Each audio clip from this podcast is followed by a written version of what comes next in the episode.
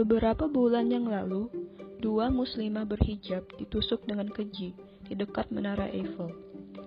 Para penusuknya yang berjumlah dua pun tidak tutup mulut saat menganiaya mereka.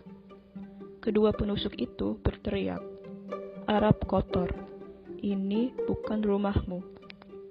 Miris sekali. Dunia seolah-olah menganggap kaum muslim sebagai pembawa teror dunia seolah-olah tak mengingat kontribusi kaum muslim yang begitu besar dan masih terasa sampai detik ini. Apakah dunia ini lupa bahwa universitas tertua di muka bumi ini didirikan oleh Fatimah Al-Fihri?